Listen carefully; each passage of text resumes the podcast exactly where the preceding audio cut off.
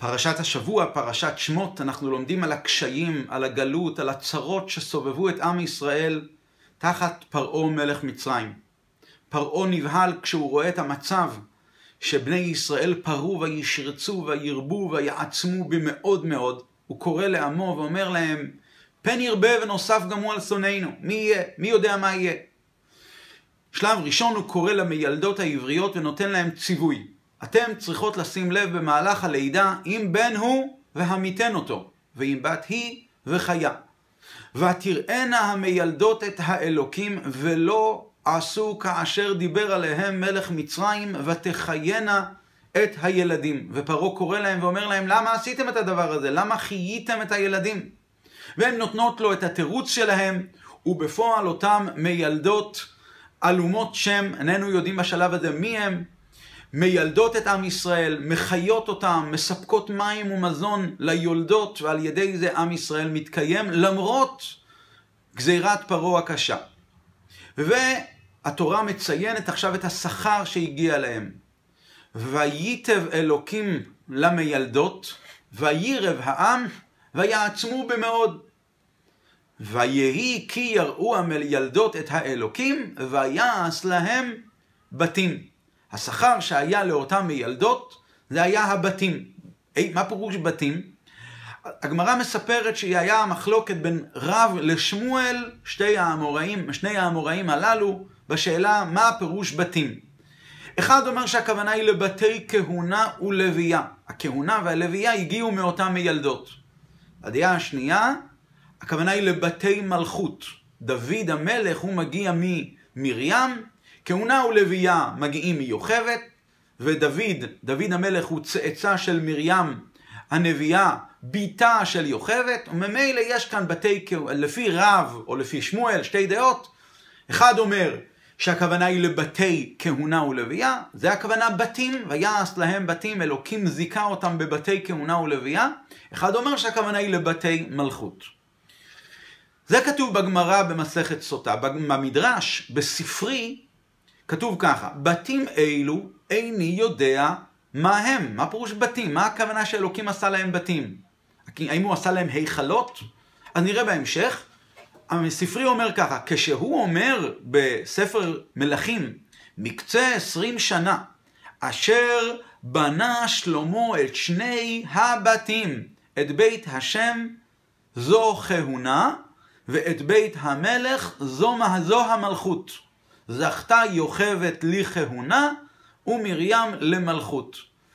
בעצם מה עושה כאן הספרי? הוא מביא כאן הוכחה מספר מלכים, שכשדוד, שלמה המלך בונה את בית השם ואת בית המלך, שם כתוב שהוא בנה בתים, בית השם ובית המלך, בית השם זו כהונה, ובית המלך זוהי המלכות, והספרי מסיים, הכהונה שייכת ליוכבת, והמלכות שייכת למרים.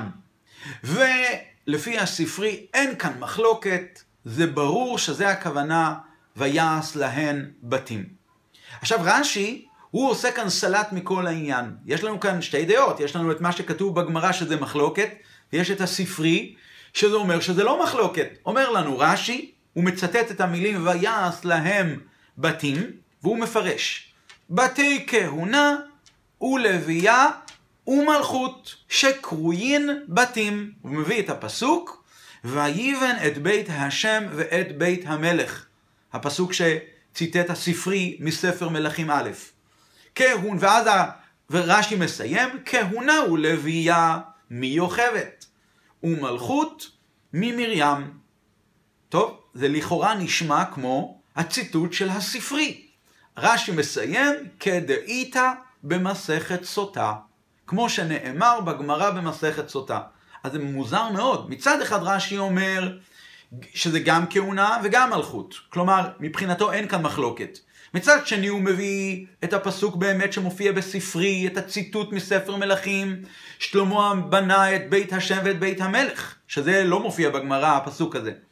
מצד שלישי, רש"י אומר, כהונה ולוויה מיוכבת, ומלכות ממרים, והוא לא מפרט, הגמרא מפרטת ואומרת, אהרון ומשה מיוכבת, ודוד מגיע ממרים, רש"י לא מפרט אהרון, משה, מרים, מרים, לא, הוא לא נכנס לכל הפרטים הללו. הוא אומר, בתי כהונה ולוויה מיוכבת, בתי מלכות ממרים. הוא לא נכנס לדוד, למשה, לאהרון. אז זה מעניין, בפשטות זה ממש הספרי. ובסוף הוא מצטט ואומר, כמו שכתוב במסכת סוטה, כאילו אומר, תסתכל במסכת סוטה ותראה שזה מה שאני כאן מפרש. ואנחנו מסתכלים במסכת סוטה ולא רואים את זה.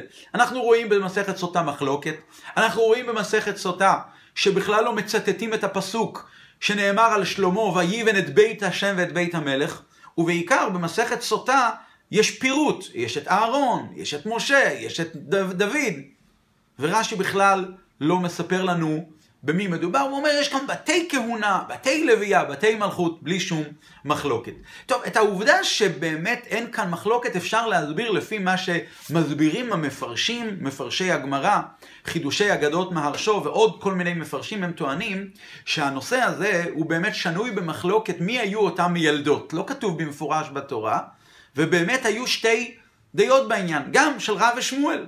למעשה המחלוקת הזו מה אלוקים היטיב למיילדות, כרוכה במחלוקת הישנה של רב ושמואל, מי הם בכלל המיילדות?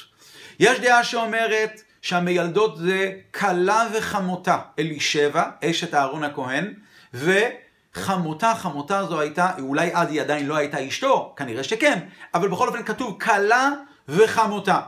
אלישבע ו... ויוכבת. לדעה השנייה, או לדעה הראשונה בעצם, אישה וביתה יוכבת ומרים. אז לכן, אומרים המפרשים, אלה שסוברים שזו הייתה כלה וחמותה אלישבע ויוכבת, אז זה רק מדבר על כהונה, רק מדבר על לוויה. אבל הדעה שאומרת שזה לא היה אלישבע ויוכבת, זו הייתה יוכבת והבת שלה, מרים, למרות שמרים הייתה אז ילדה צעירה. ובכל זאת גם היא עזרה לאימה, ולכן הם נקראו שפרה ופועה, כל אחת הייתה לה את דרכי ההנהגה שלה איך לעזור ליולדות. אז השפרה ופועה זה בעצם יוכבת ומרים. ולפי זה יש כאן גם כהונה וגם מלכות. אז רש"י, שרש"י סובר בפשטות, רש"י בכלל לא נכנס למחלוקת הזאת, ורש"י כבר הסביר שמדובר כאן באישה וביתה ביוכבת ומרים, לכן ברור לו שאין כאן מחלוקת והכוונה היא בתי כהונה ובתי מלכות. ולכן רש"י לא נכנס לוויכוח הזה שמופיע בגמרא. ברור לו שהבתים האלה הם בתי כהונה ובתי מלכות. אוקיי, אבל אחרי הכל עדיין, כל הקשיים שהעלינו מקודם עדיין קשים. מה זה כדאיתא במסכת סוטה? למה רש"י אמ, מפנה אותנו למסכת סוטה? בא בשעה שהפירוש שלו הוא ממש מבוסס כמעט מילה במילה על הספרי, שהכהונה היא מיוחבת, ולא כמו ש... והמלכות היא ממרים, ולא כמו שכתוב בגמרא, אהרון, משה, פירוט. מה קורה כאן? גם שאלה נוספת, רש"י מביא את הפסוק, למעשה הספרי מביא את הפסוק מספר מלכים, והציטוט הוא, ויבן את בית השם ואת בית המלך. השאלה שנשאלת היא, הרי רש"י מפרש המשמעות של המילה בתים, זה לא לבתים כפשוטו, לא לבית, האוס, אלא לבתים במשמעות של משפחות, בתי כהונה, בתי לוויה, בתי מלכות. אז איזה פסוק הוא מביא? ויבן את בית השם ואת בית המלך. שלמה המלך בנה את בית השם, בית המקדש, ואת בית המלך, את היכל המלכות, אז הוא בנה בתים כפשוטו. אז מביאים הוכחה מפסוק במלכים, שמראה שבתים הכוונה היא כפשוטו, לפרשנות שאנחנו רוצים להראות שבתים לא הכוונה כפשוטו, אלא לבתי כהונה, לבתי לוויה, למשפחות. מה קורה כאן? יותר מזה, יש הרבה מאוד פסוקים שהמשמעות של המילה בית היא באמת משמעות של המילה משפחה. למשל, בית אהרון ברכו את השם, בית הלוי ברכו את השם, בתהילים. שם הכוונה היא לבית רוחני, למשפחה. בית בית אהרון, ברכו את השם. זה לא הבית יברך את השם, אלא משפחות אהרון, משפחות הכהונה, משפחות הלוויה. אגב, יש גם בנוגע למלכות, גם כן יש פסוקים רבים בתנ"ך שמתארים את המשפחה, משפחת המלוכה, כבית. יעשה השם לאדוני בית נאמן, כך כתוב בספר שמואל א', יש לנו פסוקים נוספים, בית המלך, האזינו, אחד הנביאים, הושע, קורא לבית המלך ואומר, תקשיבו, בית המלך, הוא לא מדבר על הבית. שמעונה בית דוד. בית דוד כאלוק... יש המון פסוקים שבכל הפסוקים האלה מובן שהמשמעות של המילה בית היא לא במשמעות של בית כפשוט או בית גשמי, אלא במובן של משפחה, משפחת המלוכה, משפחת הכהונה. אז רש"י, דבר ראשון היה צריך להביא את הפסוקים האלה שהם הרבה יותר ברורים, שבהם אנחנו רואים במפורש שבתים הכוונה היא בית המשפחה, המשפחה. ושנית, שלישית יותר נכון, הכהון, ויבן את בית השם ואת בית המלך, אין כזה פסוק. לא כתוב בפסוק ויבן את בית השם ואת בית המלך. בפסוק נאמר, אשר בנה שלמה את שני הבתים, את בית השם ואת בית המלך. יש כאן מישהו שציטט את הפסוק, וכאן השחיל כאן מילה לא נכונה לכאורה. אבל באמת, חלק מהמפרשים מעלים את השאלה הזאת. יש באמת גרסאות שונות ברש"י, אבל ככה זה ברש"י שלפנינו. ויבן את בית השם ואת בית המלך. אז מעבר לזה שהפסוק הזה הוא פסוק שהוא הוכחה הפוכה ממה שאנחנו מבקשים להוכיח. אנחנו רוצים להוכיח על בתים רוחניים, והפסוק מבטא בנייה גשמית, ויבן את בית השם ואת בית המלך, ושנית, אין בכלל כזה פסוק. זה ציטוט לא מדויק. מה קורה כאן? אז עומק הדברים הוא כזה. ההוכחה שרש"י מביא מהפסוק הזה במלכים, היא לא שהמילה בית היא במשמעות של משפחה. יש באמת הרבה פסוקים שמבטאים את זה הרבה יותר טוב. בית, המ... בית, השם, בית אהרון ברכו את השם, בית הלוי ברכו את השם. זה לא חידוש שהמילה בית יש לה שתי משמעויות, הן משמעות גשמית, בית, והן משמעות של משפחה. אנחנו רואים את זה בהרבה מקומות, ורש"י לא צריך להסביר את זה בכלל, בגלל שכבר בעבר אנחנו יודעים את זה על בית יעקב, על, אה, על אה, בית, אה, בית פרעה. אנחנו יודעים שהכוונה היא לא לבית ממש, אלא הכוונה היא למשפחה, לעבדים, לכל אלה שנמצאים שם באזור. וזה רואים בתורה כמה וכמה פעמים, אז על זה אין בכלל דיבור. מה שרש"י רוצה להוכיח לנו, זה להסביר לנו מה זה המילה בתים במובן הסתמי. וייטב אלוקים למילדות, וירב העם ויעצמו מאוד, ויהי כי ירוע מלילדות את האלוקים, ויעש להם בתים. על אילו בתים מדובר? לא כתוב כאן שום דבר, אין כאן שום פירוט. באמת הספרי, הפתיח שלו הוא בתים אלו, איני יודע מה הם. מה זה המילה בתים במובן הסתמי? אז נכון שבאמת ייתכן שהכוונה היא לבתי כהונה ולוויה, אז רש"י אומר, דע לך שהמילה הבתים מופיעה בהקשר של בתי כהונה ולוויה. המילה בתים במובן הסתמי, יש פסוק במלכים, אשר בנה את שני הבתים, את בית השם ואת בית המלך. אז הגרסה הנכונה היא כאן ככה, במקום המילה ויבן, אז צריך, כנראה נפלה כאן גרסה, נפלה כאן טעות באותו בחור שהעתיק את הרש"י והדפיס אותו, והוא ראה את המילה הבתים, והוא, והוא חשב שהכוונה היא מלשון ויבן. אז הוא כתב ויבן את שני הבתים, אבל צריך לקרוא את הרש"י ככה, הבתים, כלומר, מה הכוונה כשהתורה כותבת בצורה סתמית? אלוקים עשה למילדות טוב, מה הוא עשה להם טוב? עשה להם הבתים. מה זה הבתים? רש"י אומר, הביטוי הבתים במובן הסתמי היא כמו הפסוק שמה בספר מלכים, שהוא בנה את שני הבתים, שהכוונה שם היא לבית השם ולבית המלך. נכון ששם באמת זה, הכוונה היא לבתים כפשוטם. שלמה המלך בונה שני בתים, בית השם ואת בית המלך, אבל זה לא סותר למה שאנחנו כאן רוצים להוכיח. רש"י רוצה להוכיח שכשהמילה, שהפסוק כותב את המילה הבתים במובן הסתמי, זה בתים של כהונה, זה בתים של מלכות. יכול להיות שזה בית כפשוטו, בתים כפשוטם האוס, ויכול להיות שזה בתים במובן של משפחה. אז דע לך שהמילה הבתים זה בתי כהונה, בתי לוויה ובתי מלכות. אבל השאלה שנשאלת היא סוף כל סוף. למה בפשוטו של מקרא אנחנו חייבים להסביר שהכוונה היא לבתים במובן הזה? בסדר, אנחנו מצאנו באמת פסוק שאפשר להראות שזה שייך לבתי כהונה, בתי לוויה, בתי המלכות. רואים שהמילה הבתים זה הולך במשמעות הזאת. אבל למה? אולי באמת נתעקש לומר שהכוונה היא לבתים כפשוטו, בתים רגילים. כמו המילה בית בעברית, בלשון הקודש. אגב, חלק ממפרשי התורה, כשהם לומדים את הפסוק הזה, את הפסוקים האלה, ויהי כי יראו המילדות את האלוקים ויעש להם בתים, מה זה בתים? אז הנה כמה פירושים. ונשאל, למה רש"י לא בחר ופנה לכיוון הפרשנויות הללו? פרשנות אחת אומרת שהמילה הבתים היא שהקדוש ברוך הוא הקים בתים למילדות להגן עליהם, להציל אותם מפני פרעה מלך מצרים, שיוכלו איפה להסתתר, שיהיה להם איפה להתחבא. ככה אה, מסביר האבן עזרא, הוא אומר, ויאמר הגאון כי עשה להם בתים שהסתירם שם ולא נמצאו. כלומר, חיפשו אותם ולא היה איפה למצוא. ולמה? כי הקדוש ברוך הוא עשה להם בתים. זה פירוש אחד. גם הרד"ק אומר משהו דומה. פירוש שני, המילה בתים היא במשמעות של בנים, משפחה. הם הקימו בית. הם הקימו בית, הכוונה הקימו, התחתנו. הקדוש ברוך הוא זיכה אותם, את יוכבד ואת מרים, והוא זיכה אותם והם הקימו משפחה. זה היה השכר שלהם. אתם חייתם את הילדים, אתם עזרתם להוליד ילדים יהודים ולהקים משפחות יהודיות, אז לכן הקדוש ברוך הוא שילם לכם מידה כנגד, להם מידה כנגד מידה, והיה להם משפחה, הם זכו למשפחה.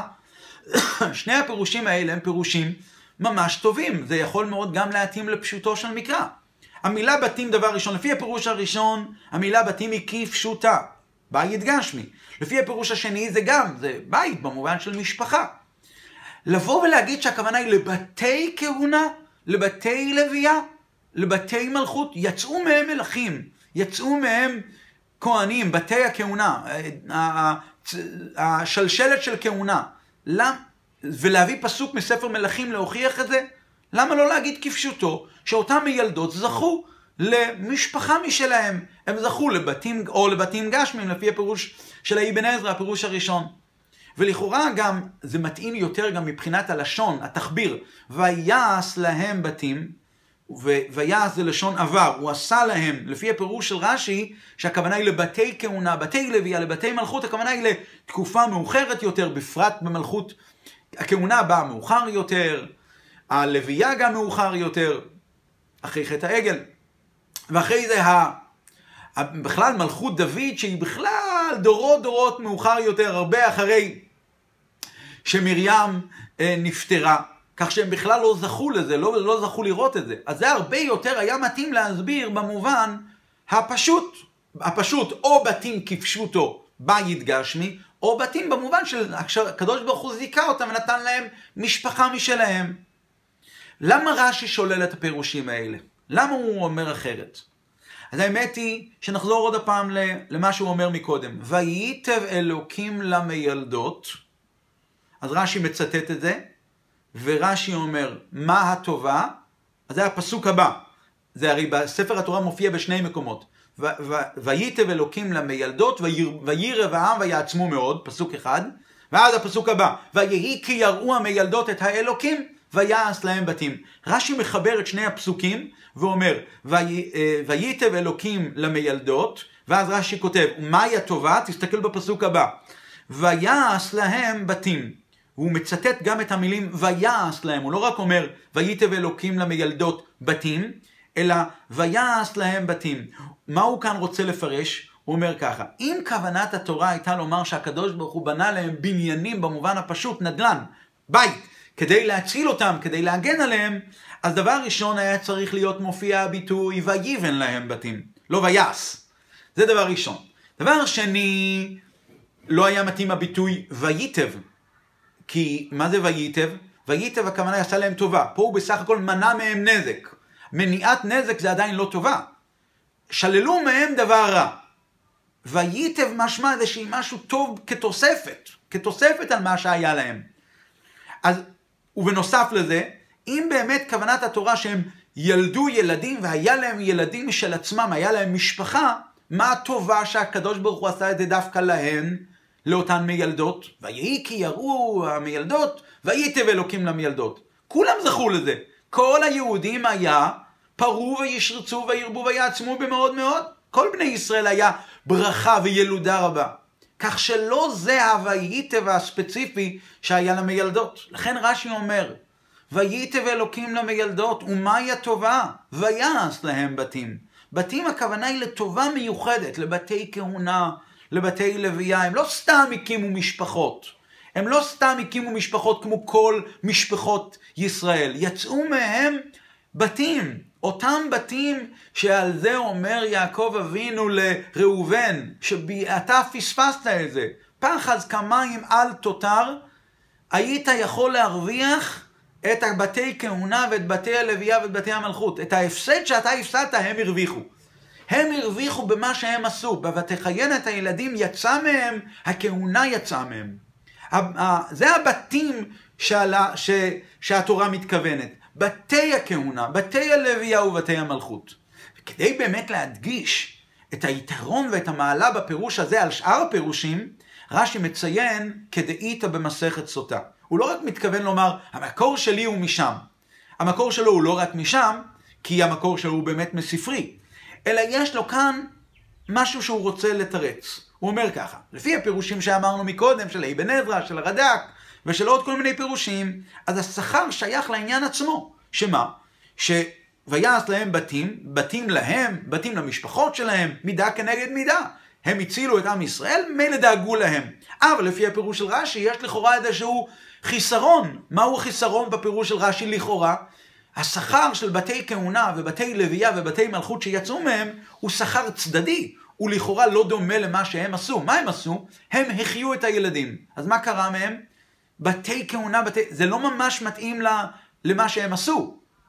לכן רש"י מדגיש ואומר, אתה רוצה להבין את זה היטב? תעיף מבט במסכת סוטה. כדאית במסכת סוטה, לא שזה המקור ה- היחידי לפירוש שלי. הפירוש שלי הוא מורכב מהספרי. אבל תסתכל במסכת סוטה ותראה ששם העניין הזה מופיע בהמשך למשנה.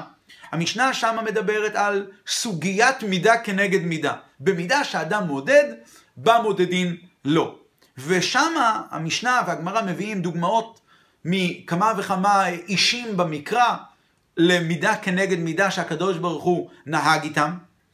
ושם ברור שהפירוש מידה כנגד מידה זה על כל פרט ופרט במעשיו של האדם. לא רק בכוונות שלו, אלא במעשים שלו. ולפי זה מובן היתרון בפירוש של רש"י על הפירושים האחרים. כשאנחנו אומרים בתי כהונה, בתי לוויה ובתי מלכות, מודגש כאן לא רק גודל השכר, וואו, יצאו מהם משפחות מיוחדות, יצאו מהם משפחות אצילות של בתי כהונה ובתי לוויה. מודגש כאן יותר שהשכר היה כנגד הפרטים, מה שאותן מיילדות צדיקות ואמיצות עשו. מה הם עשו? הם סייעו לא רק להקים משפחות יהודיות, אלא על ידי זה הוקם למעשה כל יוצאי מצרים, כל אותו דור שבסופו של דבר יצא ממצרים וקיבל את התורה, ולמעשה כל עם ישראל עד סוף כל הדורות, הם עשו את הקיום של עם ישראל, לא רק שנשים ספציפיות שהיו שם, אה, נכדותיו של יעקב אבינו, הם ניצלו בזכות אה, יוכבד ומרים האמיצות, לא. עם ישראל כולו הוקם בזכות אותן נשים צדקניות אמיצות. ולכן השכר שניתן להם הוא באופן מפורט, שמה? לא רק שלהן היו משפחות משלהם, אלא אפילו שלא רק שהיו להם משפחות של כהנים או לוויים, לא. בתי כהונה, בתי לוויה, בתי מלכות, בתים מיוחדים שהקימו למעשה, שהוקמו לכל עם ישראל, בעבור כל עם ישראל, במשך כל הדורות. בתי הכהונה, כהנים של עם ישראל, והמלכים של עם ישראל, עד סוף כל הדורות. אז הרבה יותר ברור שזה, שהשכר הוא מתאים למעשים שלהם ולפירוט המעשים שלהם. אבל אם נלמד כמו שכתוב בספרי, אז הספרי מאוד מאוד מצמצם את הזכויות האלה ואת השכר הזה. איך הספרי אומר? זכתה יוכבד לכהונה ומרים למלכות.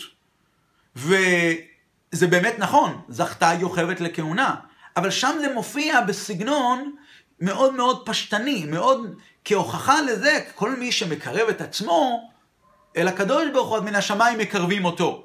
לא כל כך במובן של מידה כנגד, זכתה יוכבד לכהונה, זכתה מרים למלכות. זה לא מודגש כאן העניין הכללי של בית, בתי כהונה, ההדגשה הכללית של בתי כהונה מול בתי ישראל. עם ישראל ככלו, בצורה כללית הוקם כאן.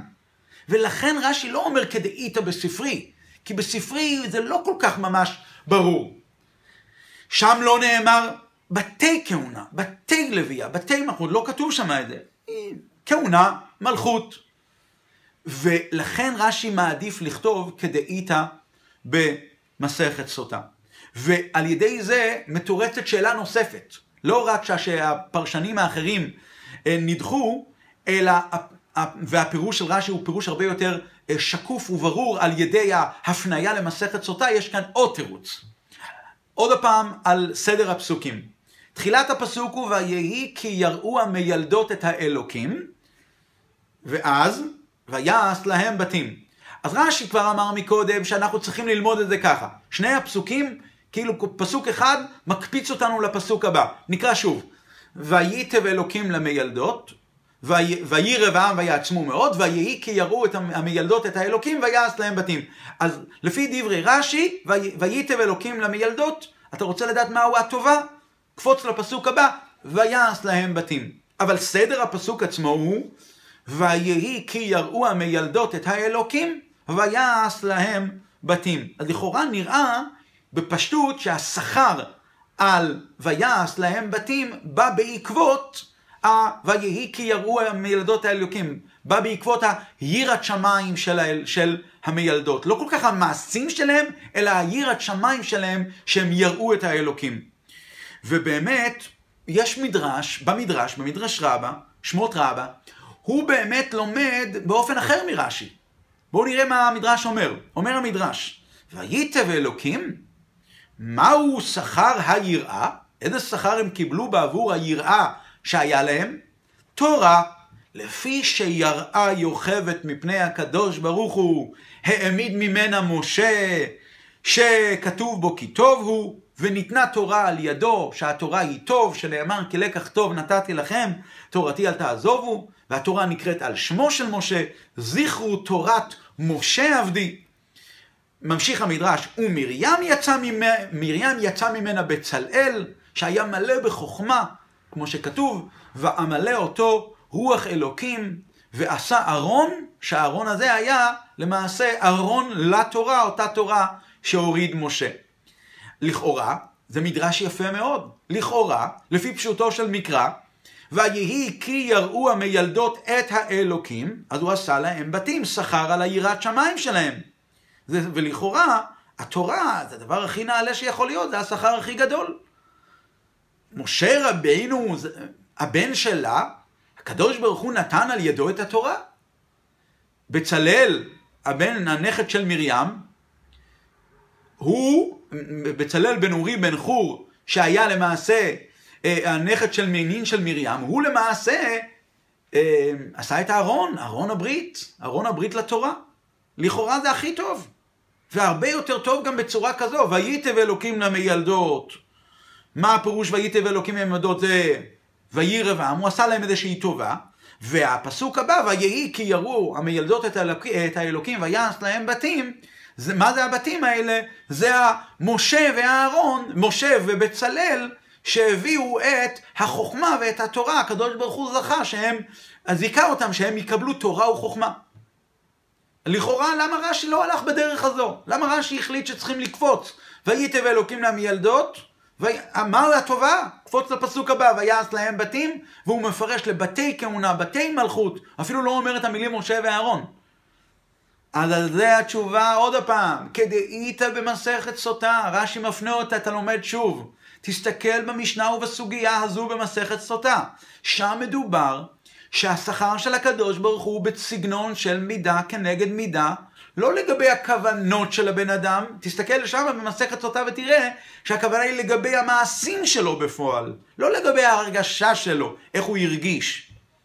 אה, רש"י כבר ציין את זה בעבר לגבי אה, החטא של אנשי המבול, דור המבול. הם חטאו ברבה רעת האדם, לקו בתהום רבה. כלומר, העניין הוא יותר המעשי.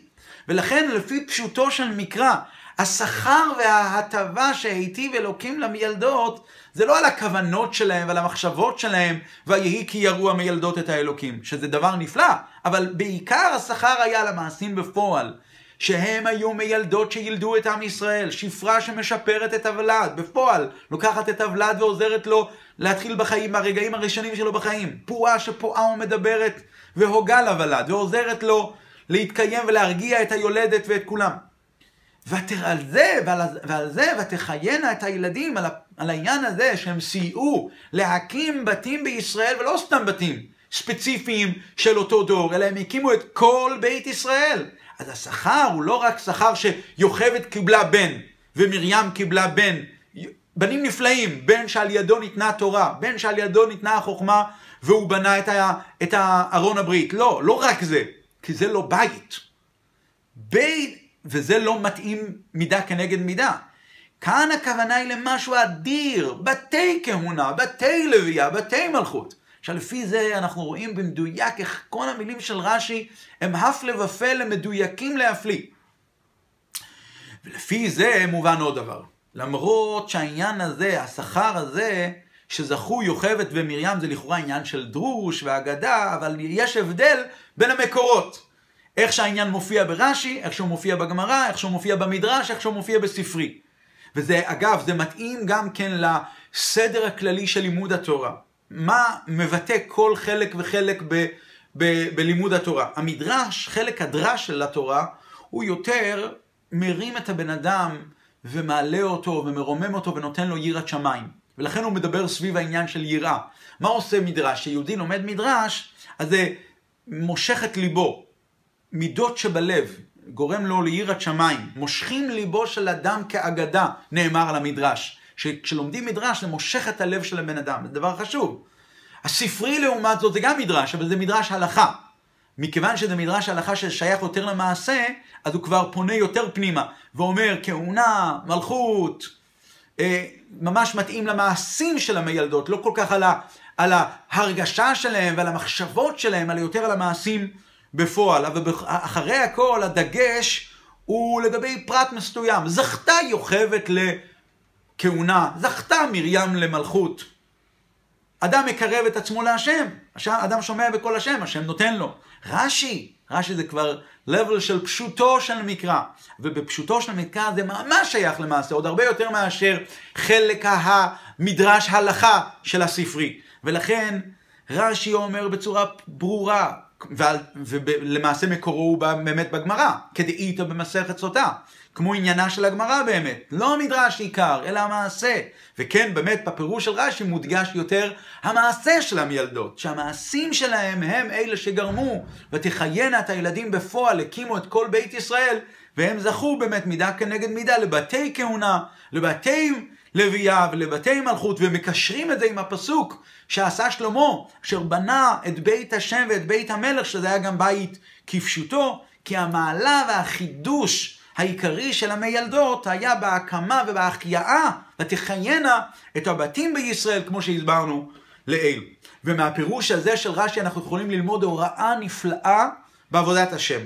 לכאורה, העניין הזה שבאמת התורה ניתנה על ידי משה רבינו, זה באמת לא שכר מידה כנגד מידה בעבור מה שעשתה יוכבת ומרים. אבל בכל זאת, זה לכאורה השכר הכי גדול שאפשר לשער. לקבל את התורה מיד, מידי בורא עולם. וכאן אנחנו רואים שיש שכר שהוא עוד יותר גדול מאשר העניין הזה. בת... מה גורם נחת הכי נעלה?